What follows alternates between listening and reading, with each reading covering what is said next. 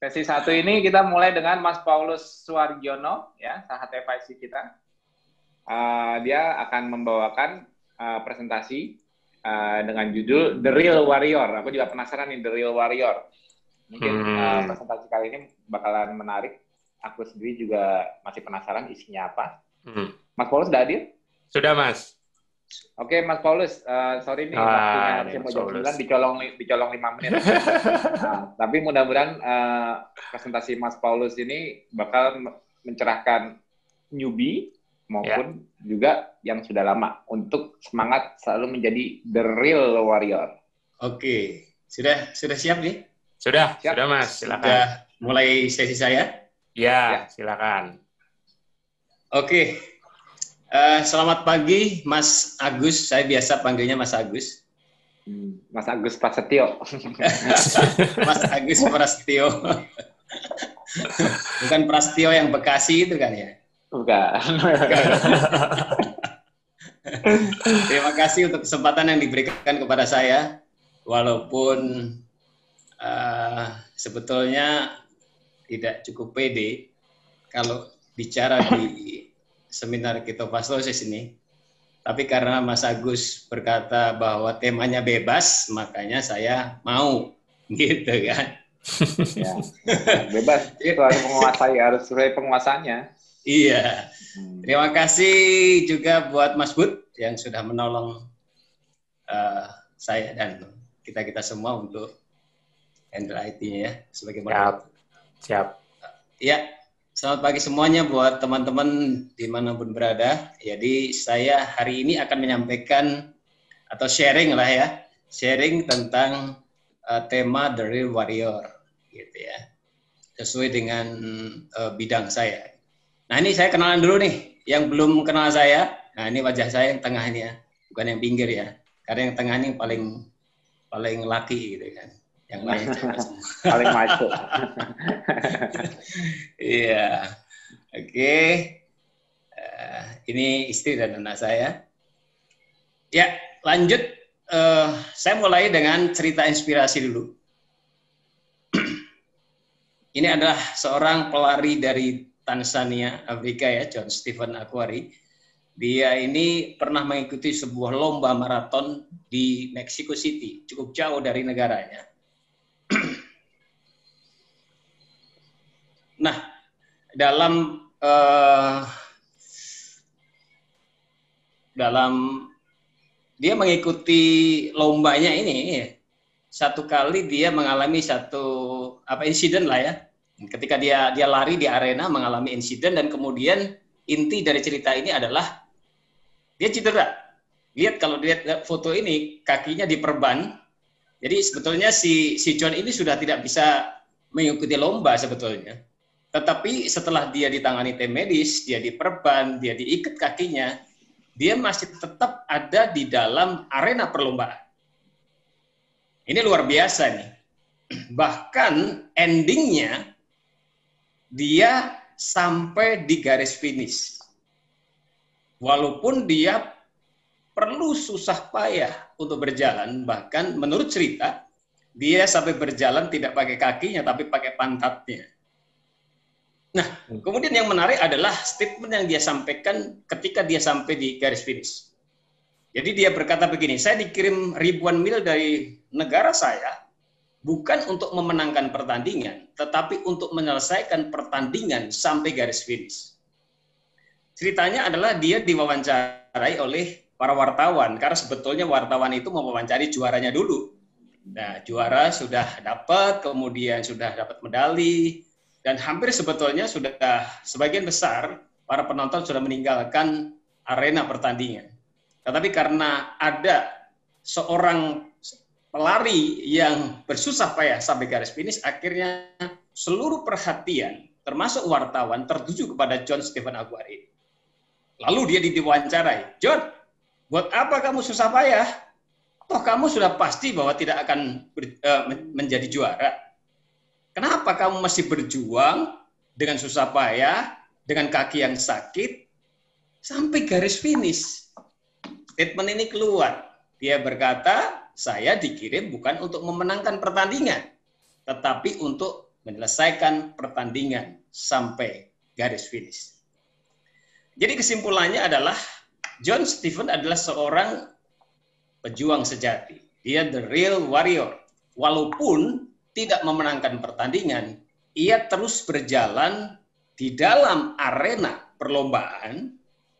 Ini perhatikan baik-baik. Dia tetap berjalan di dalam arena perlombaan dengan menghadapi tantangan, hambatan, tekanan, dan masalah sampai garis finish. Ini keren sekali ini. Ini betul-betul menjadi inspirasi buat setiap kita bahwa perjalanan kita ini panjang. Kalau kita bicara ketofastosis, maka ketofastosis not a diet. Ketofastosis bukan diet. Walaupun betul ada pembatasan uh, makanan yang kita asup, tetapi ketofastosis kita sebut sebagai lifestyle. Lifestyle itu adalah bukan satu hari dua hari, bukan satu minggu dua minggu, bukan satu tahun, bukan tiga tahun, tetapi itu adalah sepanjang perjalanan hidup kita selama kita diberikan uh, waktu masih ada di dunia ini. Jadi kalau kita sekali lagi bisa bicara lifestyle, maka itu seperti kalau lari itu lari maraton, bukan lari cepat lari maraton itu ya minimal 10 kilo lah gitu kan. Butuh waktu yang begitu panjang. Nah, eh, di dalam perjalanan yang panjang ini kita pasti menghadapi yang saya sebut sebagai THTM supaya mudah menyingkatnya. Kita menghadapi THTM di dalam perjalanan kita sebagai seorang keto warrior. Sebagai warrior sejati kita tidak bisa tidak kita suka atau tidak suka, kita pasti menghadapi tantangan. Apakah newbie ataukah ataukah yang sudah bertahun-tahun kita menghadapi tantangan dalam perjalanan ini. Tetapi seorang dari warrior adalah seorang yang terus berjalan di dalam track, di dalam area perlombaan sampai waktunya selesai.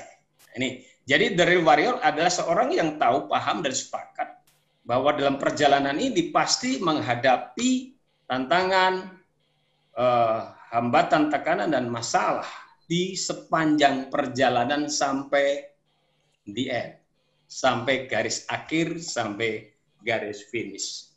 Sebetulnya kayak itu bukan berlomba-lomba untuk uh, turunin berat badan, bukan berlomba-lomba untuk uh, apa namanya istilahnya berlomba-lomba GDP cantik, gitu kan? Tapi sebetulnya adalah membangun sebuah lifestyle lifestyle yaitu tentang ketosis itu sendiri.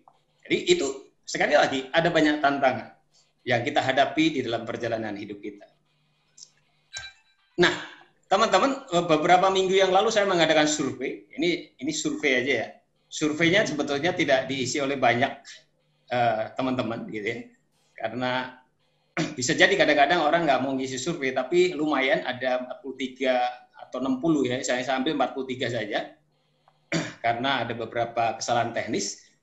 Jadi ini adalah salah satu survei yang yang yang saya tanyakan adalah apakah Anda menjalankan gaya hidup ketofastosis? Eh, apakah Anda masih menjalankan gaya hidup ketofastosis? Maka dari 43 yang memberikan tanggapan ada 65,1 persen masih. Wah ini sebetulnya berita yang sangat menggembirakan ya karena eh, lebih daripada 60 masih menjalankan. Tetapi ada 27,9 di hampir 30 persen itu yang on off. Sukanya ya kadang-kadang keto, kadang-kadang enggak, ya seperti itu. Kemudian sisanya yang sudah tidak. Kemudian juga ada yang baru mulai, jadi eh, dia tidak bisa eh, apa ya, tidak bisa menunjukkan dia masih atau tidak gitu ya. Jadi ini adalah berita berita baik ini, ya kalau misalnya di grup kita di Facebook itu ada 300 ribu orang, mudah-mudahan survei ini mewakili walaupun kemungkinan tidak gitu ya. Saya tidak tahu berapa banyak. Seperti itu. Kemudian survei, survei berikutnya adalah apakah Anda pernah cheating karbohidrat dan gula selama menjalankan gaya hidup ketofastosis. Nah, ini ini yang cukup lumayan ini. Angkanya cukup lumayan. 18,5 persen itu tidak pernah. Tetapi selebihnya itu pernah.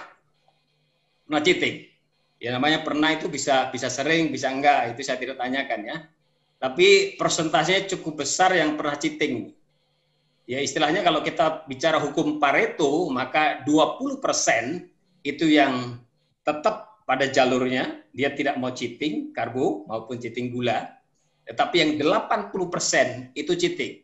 Misalnya salah satu yang cheating adalah uh, 29,6% adalah pernah cheating kalau nggak salah ini pernah cheating ketika ketemu mantan gitu ya ketika ketemu mantan terindah akhirnya cheating ketika uh, pesta gitu cheating atau ketika traveling cheating.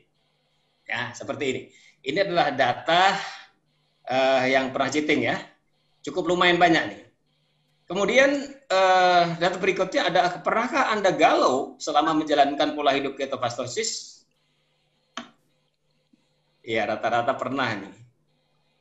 Ada yang galau karena gula darahnya nggak turun-turun. Ada yang galau karena uh, berat badannya makin turun. Ada galau karena dan lain-lain sebagainya.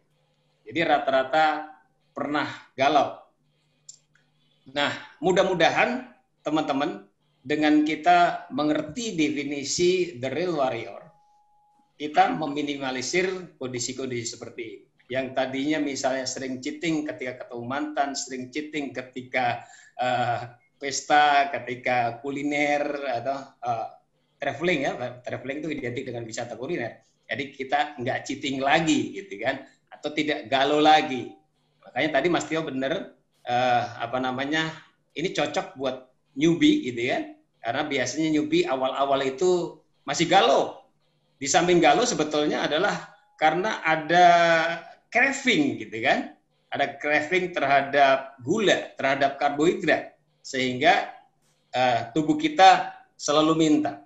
Tetapi tidak sedikit juga kadang-kadang ada juga orang yang sudah lama sekali menjalankan pola hidup ketofastosis itu justru uh, mindsetnya salah. Ya kan saya sudah lama, jadi saya sekarang mulailah menurunkan Makanya waktu itu kan ada saya strict itu, saya strict KF itu dua tahun. Tapi sekarang saya udah nggak perlu strict lagi lah karena berat badan saya sudah sudah bagus. Jadi saya juga sudah lebih sehat. Kemudian akhirnya menurunkan. Nah sebetulnya dari warrior adalah sekali lagi uh, sadar menghadapi tantangan, tekanan, masalah dan juga uh, hambatan sampai garis finish. Nah itu sebabnya eh, kita perlu tahu ada tiga pilar the real warrior. Yang pertama adalah karakter. Yang kedua adalah pengetahuan. Yang ketiga adalah keterampilan. Yang saya sebut ini adalah KPK. Jadi sebetulnya kuncinya sebagai seorang pejuang sejati itu adalah kalau nilai KPK itu memenuhi standar cukup gitu kan jadi misalnya kalau orang lulus, orang lulus itu nilainya di atas 6 gitu kan. Ya, KPK kita mesti ya minimal 6 lah gitu kan. Kalau dulu kan kita nilai 5 itu nggak lulus gitu kan. Kalau sekarang A, A, B, C, D, E kan gitu kan. Nah, kita mesti tahu nilai KPK kita sebagai seorang keto warrior itu berapa. Dinilai dari sisi karakternya, pengetahuannya, dan keterampilannya. Saya ambil sebuah contoh satu persatu dari uh, item karakter pengetahuan dan keterampilan. Yang pertama adalah karakter uh, compassion atau belas kasihan. Itu perlu kita miliki sebagai seorang keto warrior. Kemudian pengetahuan yang dasar sekali yang perlu dimiliki oleh seorang keto warrior adalah algoritma energi tubuh manusia. Ini saya sebetulnya uh, membuat judul sendiri, tapi isinya sebetulnya sama. Ini kalau algoritma Mas Budi pasti hafal nih. Biasa algoritma itu adalah bahasa orang IT. kalau bahasa uh, apa namanya rumus tentang biokimia tubuh kayaknya tidak ada istilah algoritma gitu ya. Tapi nggak apa-apa supaya agak sedikit beda gitu. Nah yang terakhir keterampilan itu adalah self management karena kalau kita bicara tentang tantangan, apakah tantangan itu kita dibully, apakah tantangan itu berupa makanan, apakah tantangan itu berupa puasa, ya, lima pilar itu adalah sesuatu yang lima pilar hidup itu adalah sesuatu yang luar biasa, tapi juga sekaligus sebagai sebuah tantangan. Nah, itu adalah faktor luar. Tapi yang paling penting adalah ketika kita punya keterampilan memanage diri sendiri, maka tantangan, hambatan, tekanan, dan masalah itu menjadi sesuatu yang biasa saja. Seperti itu. Jadi self management skill itu sangat penting. Dan sekali lagi kita perlu tahu nilai KPK kita berapa nih. Kita perlu mengevaluasi dari waktu ke waktu. Kalau kita lihat eh, tadi yang pertama, saya percaya John Stephen Aquari adalah nilai KPK-nya sangat tinggi sekali. Dia pasti punya compassion, dia juga pasti punya eh, pengetahuan tentang uh, kemaratonan dan juga bagaimana dia dia bisa memanage dirinya sendiri. Nah, ini saya kasih rumus. Nah, kami ini rumus KPK bukan rumusnya Mas Tio yang bikin pusing juga itu kan. ini rumus KPK. Cara menghitung nilai KPK ada rumusnya. Rumusnya gampang sekali. K dikalikan P plus K. Jadi, eh, prinsipnya adalah fokus pada nilai karakter selalu lebih besar. Karena karakter merupakan faktor kali. Saya kasih contoh. Contoh A karakternya 8, pengetahuannya 4, keterampilannya 5. 8 dikalikan 4 plus 5 sama dengan 72. Nilainya 72. Karakternya lebih besar di sini. Nah, kemudian contoh si B, si B karakternya 2. Pengetahuannya lebih tinggi, 8. Keterampilannya ada 4 juga. 2 dikalikan 8 plus 4 sama dengan 24. Pengetahuannya sih banyak, tetapi karakternya rendah banget. Jadi karakter ini sangat penting untuk kita mencapai nilai KPK yang cukup, yang aman sebagai seorang warrior sejati. Jadi ini dibandingkan ya antara A dan B. Perhatikan baik-baik teman-teman, ini juga bisa dipakai untuk dalam banyak hal lah dalam hidup ini bukan hanya sekedar ketika kita menjalankan itu, tetapi uh, bagaimana hidup kita ini ketika menemukan rumus ini karakter lebih besar daripada pengetahuan dan keterampilan, maka kita akan survive, kita akan menjadi seorang warrior sejati di dalam kehidupan ini. Nah, bagaimana meningkatkan nilai karakter? Ini penting. uh, sebelum bicara uh, meningkatkan nilai karakter, mungkin saya akan singgung sedikit kenapa compassion. Compassion itu kalau nggak salah Mas Tio sering, sering, sering, sering, sering sharing, bahkan sharing knowledge with love. Jadi Compassion itu bicara tentang love, seperti belas kasihan. Bagaimana kita belas kasihan nggak terhadap diri sendiri? Ketika kita itu tidak mencintai diri sendiri, mencintai tubuh kita sendiri, sebetulnya nilai mencintai tubuh sendiri nggak tinggi. Kita rela kok cheating gitu. Walaupun salah cheating, tubuhnya seperti dipukul-pukul sama uh, apa ya, sama orang satu kampung lah gitu kan. Ketika cheating, ketika kita tidak taat terhadap uh, apa yang sudah kita yakini, uh, kemudian kita kepalanya pusing, kemudian kita perutnya juga sakit, kemudian kita jadi mual-mual dan juga ada yang buang-buang air besar dan sebagainya. Banyak sekali yang terjadi dalam tubuh kita, tubuh kita kasih tahu. Nah, tetapi kalau nilai belas kasihan terhadap tubuh kita ini rendah, tetap saja besok lagi kalau ketemu mantan, akan berpikir begini, ah nggak apa-apa dikit aja kok. Ah nggak apa-apa lah sekali-sekali juga kan. Hmm. Nggak nggak usah terlalu ekstrim lah gitu ya. Nah seperti itu. Itu akibat dari nilai compassion kita lebih rendah. Tapi pengetahuannya pasti tahu, oh ini karbohidrat, ini gula. Ya toh, kalau pergi ke mall, wah ini makanannya bau enak banget ya kick ada sebagainya gitu. Murah pula gitu kan. Kita sudah tahu bahwa itu nggak cocok sama tubuh kita, tetapi karena nilai passion kita rendah terhadap diri sendiri, maka kita hmm. akhirnya melakukan itu. Nah, kemudian sama juga, ketika kita dibully sama teman, ya kita cinta aja, kita sayang aja sama orang itu. Kenapa dia membuli kita? Sebetulnya dia pengen seperti kita, tapi dia nggak mampu. Gitu. Ya, kita perlu mencintai mereka. Oke, jadi uh, prinsipnya adalah karakter yang baik sudah ada dalam diri seseorang, diri manusia. Yang dibutuhkan adalah self awareness, kesadaran diri relationship secara vertikal maupun horizontal. Kemudian duration, durasi. Uh, semakin sering kita menyadari bahwa karakter yang baik, compassion sudah dalam diri kita, kemudian kita berhubungan vertikal dengan Tuhan dan berhubungan dengan sesama manusia, sebetulnya semakin tajam compassion kita. Ketika kita lihat orang lain yang overweight, yang sakit, kita berhubungan dengan mereka, itu biasanya nilai compassion kita akan makin tinggi. Nah, kemudian juga durasi. Kemudian yang berikutnya bagaimana meningkatkan nilai pengetahuan. Ini penting nih. Ini saya tinggal lima menit nih kayaknya. Meningkatkan nilai pengetahuan. Prinsipnya pengetahuan itu berubah dan berkembang sesuai zamannya. Jadi yang diperlukan adalah terus belajar, continue learning. Eh, pengetahuan itu berubah. Dulu pengetahuannya mengatakan bahwa lemak itu nggak baik, tetapi majalah yang sama kalau nggak salah, majalah apa lupa saya, merilis bahwa lemak itu sebetulnya nggak apa-apa. Ya, seperti itu. Itu artinya pengetahuan berubah dan berkembang sesuai zaman. Yang perlu kita yang perlu kita uh, perlukan adalah terus belajar. Hmm. Terus belajar, mendengar makanya uh, luar biasa di grup ketofastosis kita selalu ada acara untuk kita menambah pengetahuan. Setiap atau setiap malam atau talk from home gitu. Seminggu dua kali. Seminggu dua kali. Wah, ini, ini luar biasa. Coba ya, uh, berapa kali kita mendapatkan pengetahuan yang luar biasa dari Mas Tio, founder dari ketofastosis dengan pengetahuan yang sangat banyak. Jadi kita coba kesempatan gratis pula.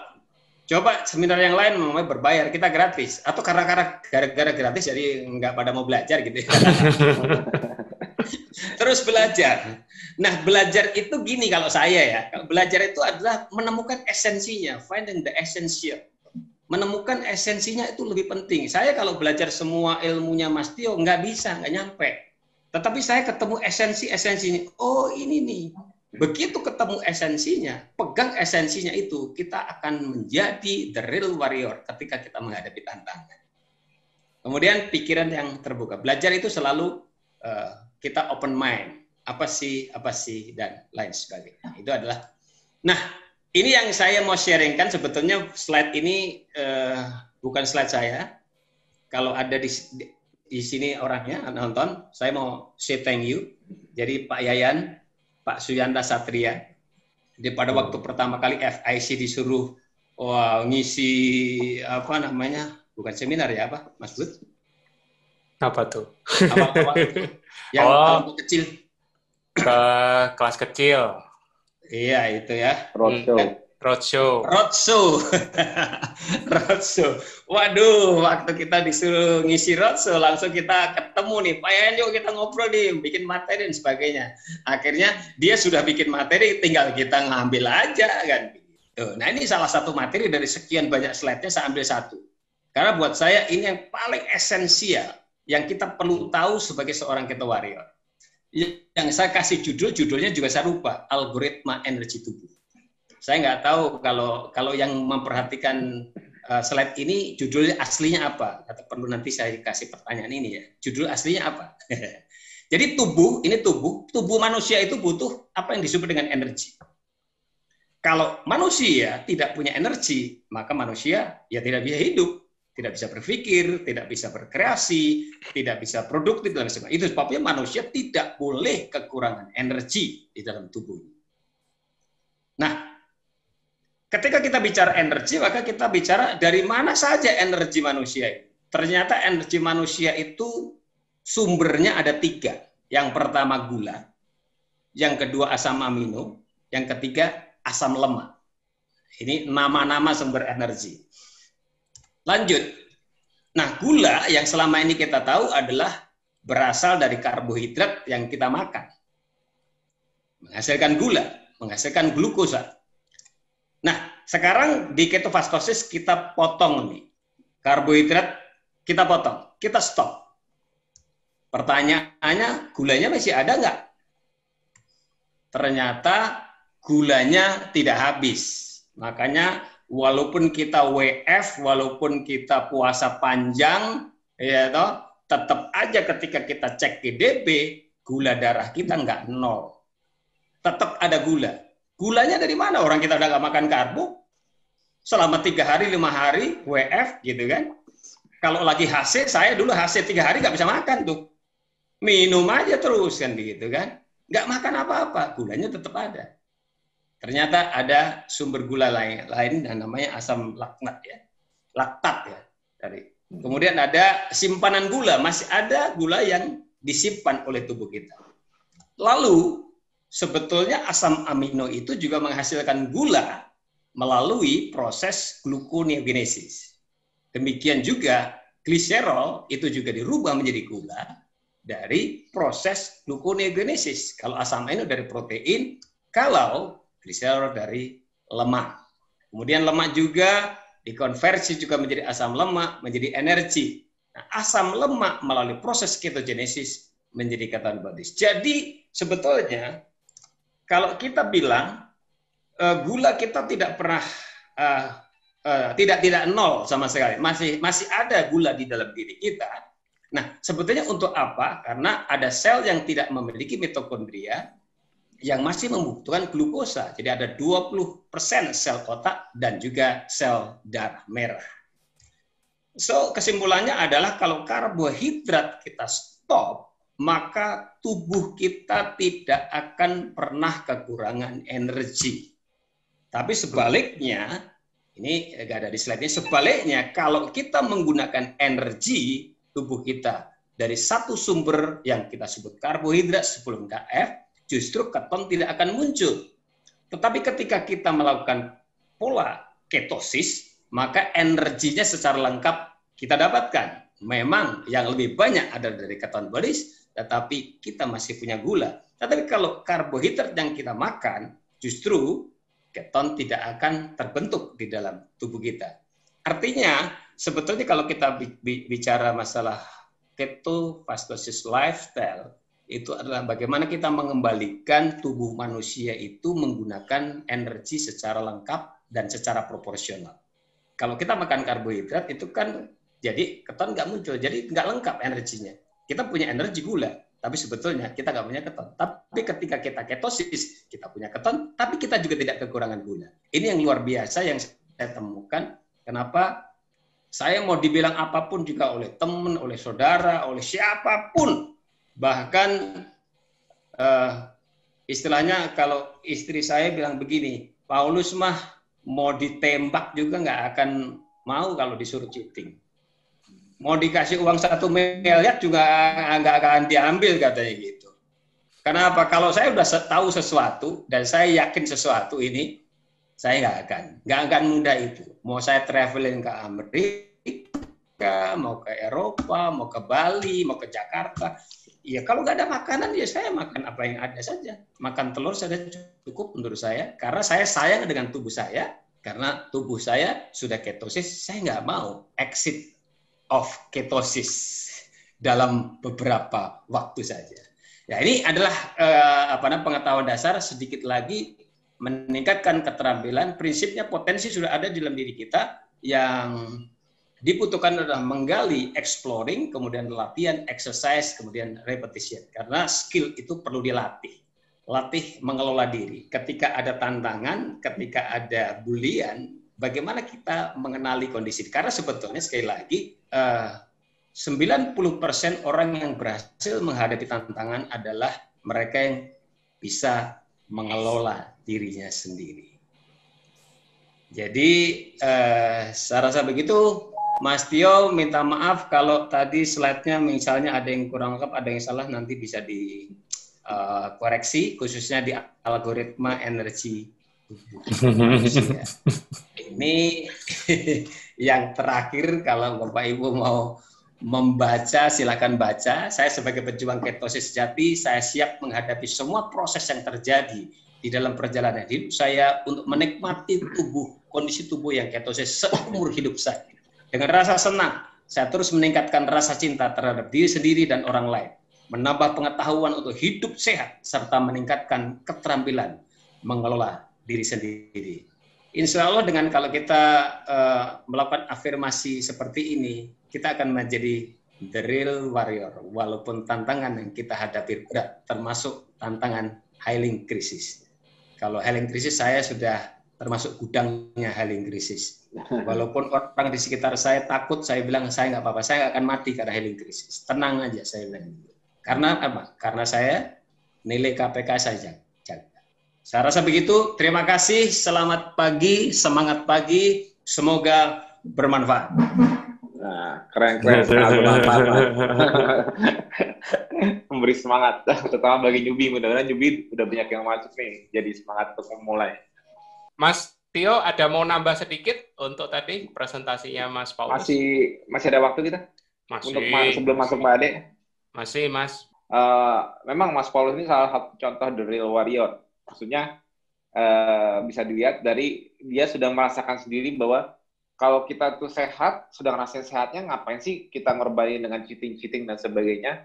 Itu makanya oh, aku sendiri juga jujur ya, maksudnya aku bukannya sombong atau gimana, aku nggak pernah cheating. Mau Hmm. sama seperti Mas Paulus mau dikasih duit berapapun nggak bakal mau cheating nih, dipaksa udah makan aja tak bayar deh, nggak bakal. Karena sehat itu lebih luar biasa, maksudnya aku udah udah mengalami fase makan karbonya yang yang kalau orang ngira orang ngira eh, aku ngeliat aku sekarang kayaknya aku konsisten banget gimana gimana sebetulnya kalau ngeliat dulu aku waktu masih makan karbo aku justru malah the worst case skenario dari pemakan karbo. Maksudnya kan skenario seorang pemakan karbo yang mungkin lebih buruk dari orang yang masih makan karbo sekarang. Karena aku dulu kalau makan karbo itu ya benar-benar yang ya contohnya makan nasi indomie goreng sosis apa. Aku benar-benar pecinta high carb dan high fat aku menggabungkan keduanya karena itu super palatability-nya tinggi banget. Maksudnya benar-benar hyper palatability. Maksudnya sangat kalau menggabungkan karbohidrat dan lemak. Itu itu yang membuat aku tuh kayaknya pengen makan, pengen mendapatkan sensasi makan seperti itu. Jadi dulu mencari kesenangan, mencari kenikmatan itu ya makan. Karena aku terbiasa terbiasa makan high carb, high fat, itu edik.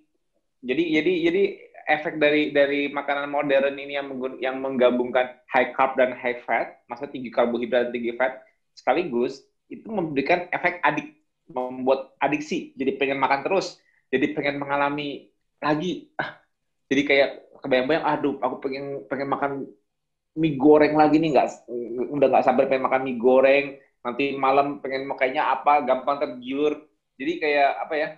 Karena karena dibayangkanku itu sensasinya itu terngiang-ngiang terus sensasinya makan karbo plus lemak tinggi itu nikmatnya luar biasa.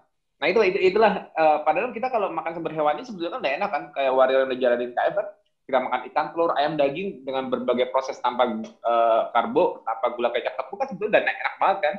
Tapi jujur kalau para warrior pun tahu kalau misalnya kita makan yang mereka pakai nasi pasti sensasinya beda, pasti lebih enak lagi nih. Aku yang makan makan misalnya kayak yang yang dianggap paling enak oleh para warrior sekarang misalnya contohnya sop buntut. Apalagi yang kemarin dibawain Mas Hermanto tuh di lantanku sop janda tuh. Wah gaya tuh itu rasa enak banget. Aku aja bilang enak banget. Sop jandanya. Oh ya by the way kalau ada Mas Hermanto aku mau minta alamatnya alamat belinya di mana tuh sop janda?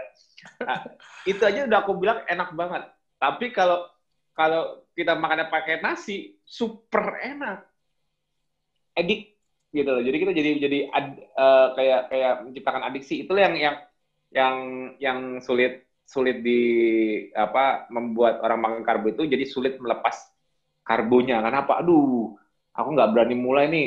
Soalnya nggak bisa kalau nggak pakai nasi. Karena memang betul lauk pauk itu enak, tapi kalau dimakan pakai nasi super enak.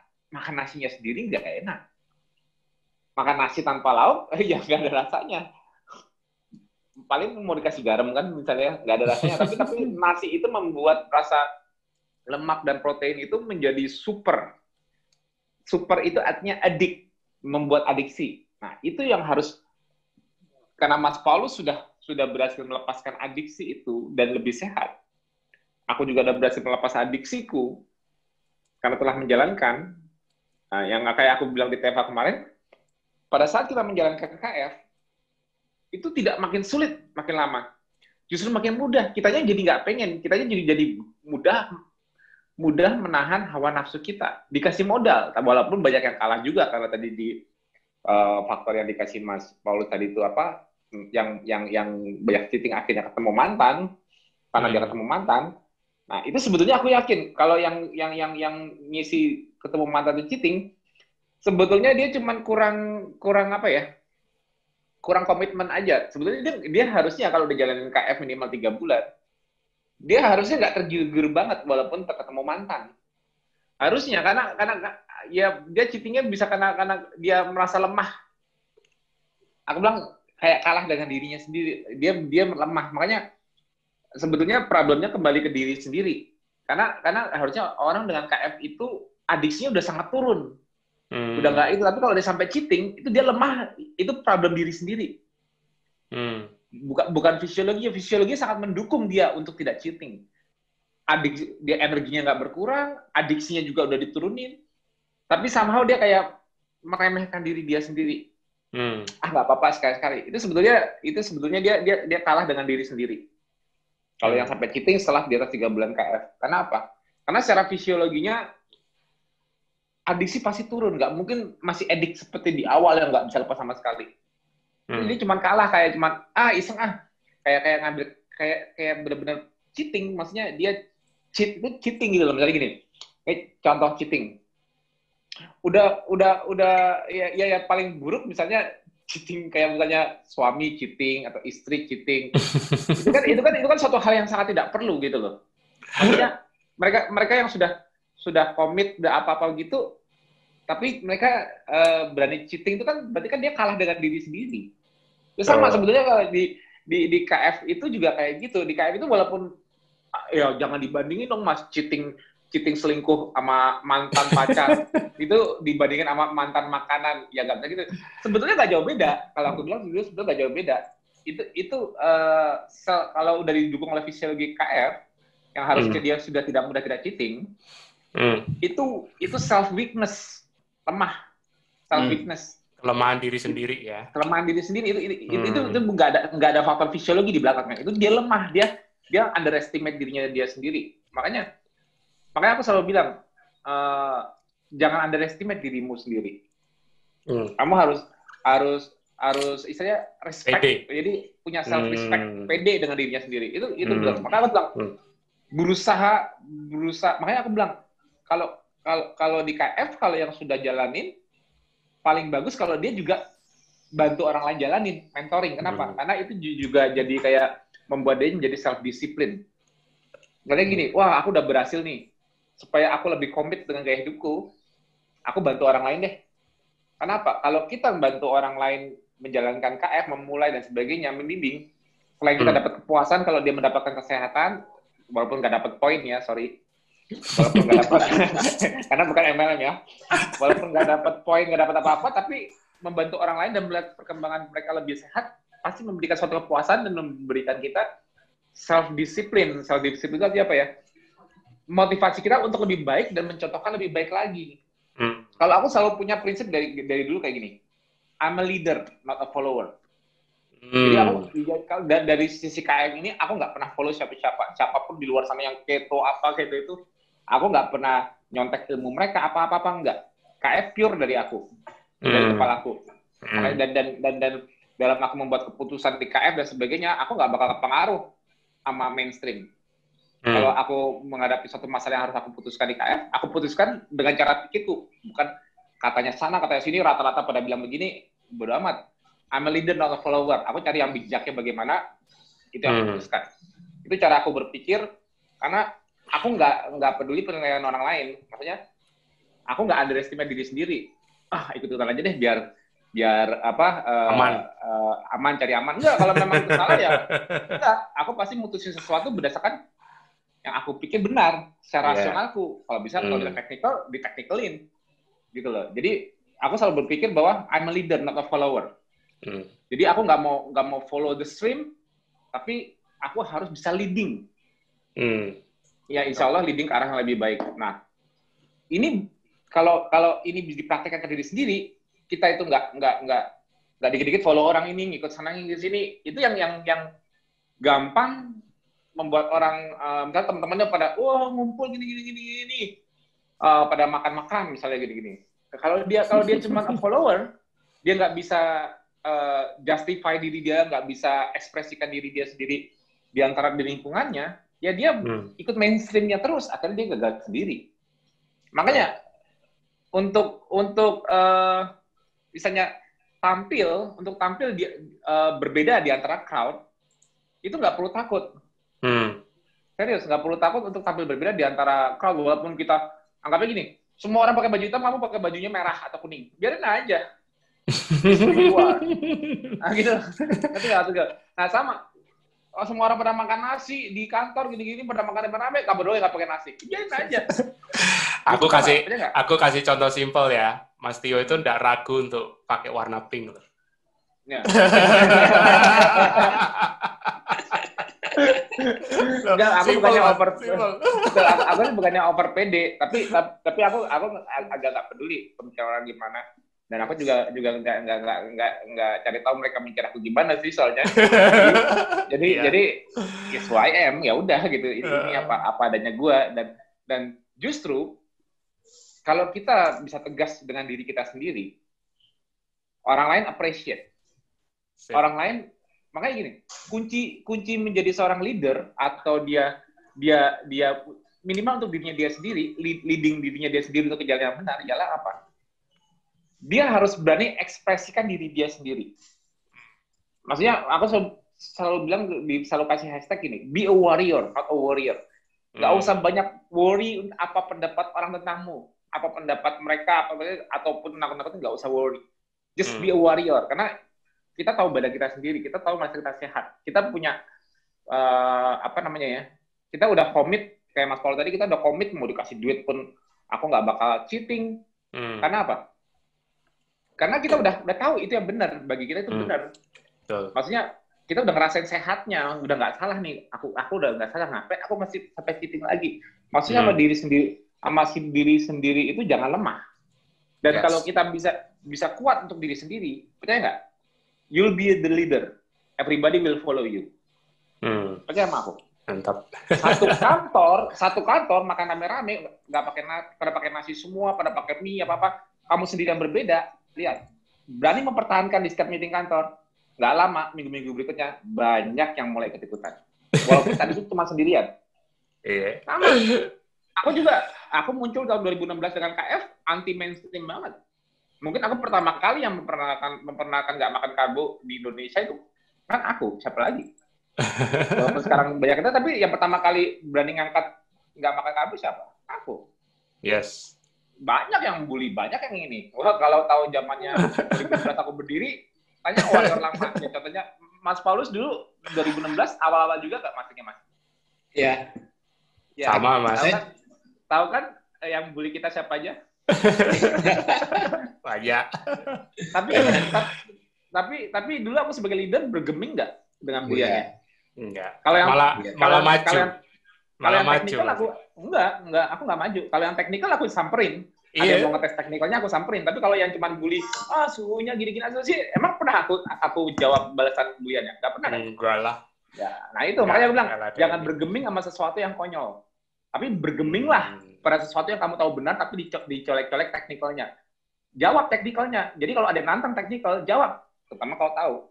Tapi kalau cuma hmm. dibeli, ah ini suhunya gini-gini, suhunya wah ini gini, dari di dicolek masalah fisiknya lah, apa ya bodoh amat. Mau dibilang apa, mau di mau dibilang oh di belakangnya ada ini ini, terserah. Tapi begitu karbo itu hal penting berbahaya, nggak mungkin emang karbo. Baru aku masuk. Ya. Karena teknikal. Kalau ada nonton kayak gitu, aku teknikal masuk. Tapi kalau cuma ngomongin di luar itu, ya dimin aja gitu. Jadi, jadi kuncinya kuncinya self respect untuk jadi leader. Jadi aku nggak ngajarin untuk jadi leader buat semua orang, tapi minimal bagi diri sendiri. Kalau kita appreciate diri kita sendiri, kita menjadi leader buat diri kita sendiri, cek deh, cheating itu nggak bakal mudah terjadi. Jadi hmm. kalahkan kelemahanmu sendiri. Karena apa? Tapi bukannya susah, Mas. Aku tuh dulu masih adiksi.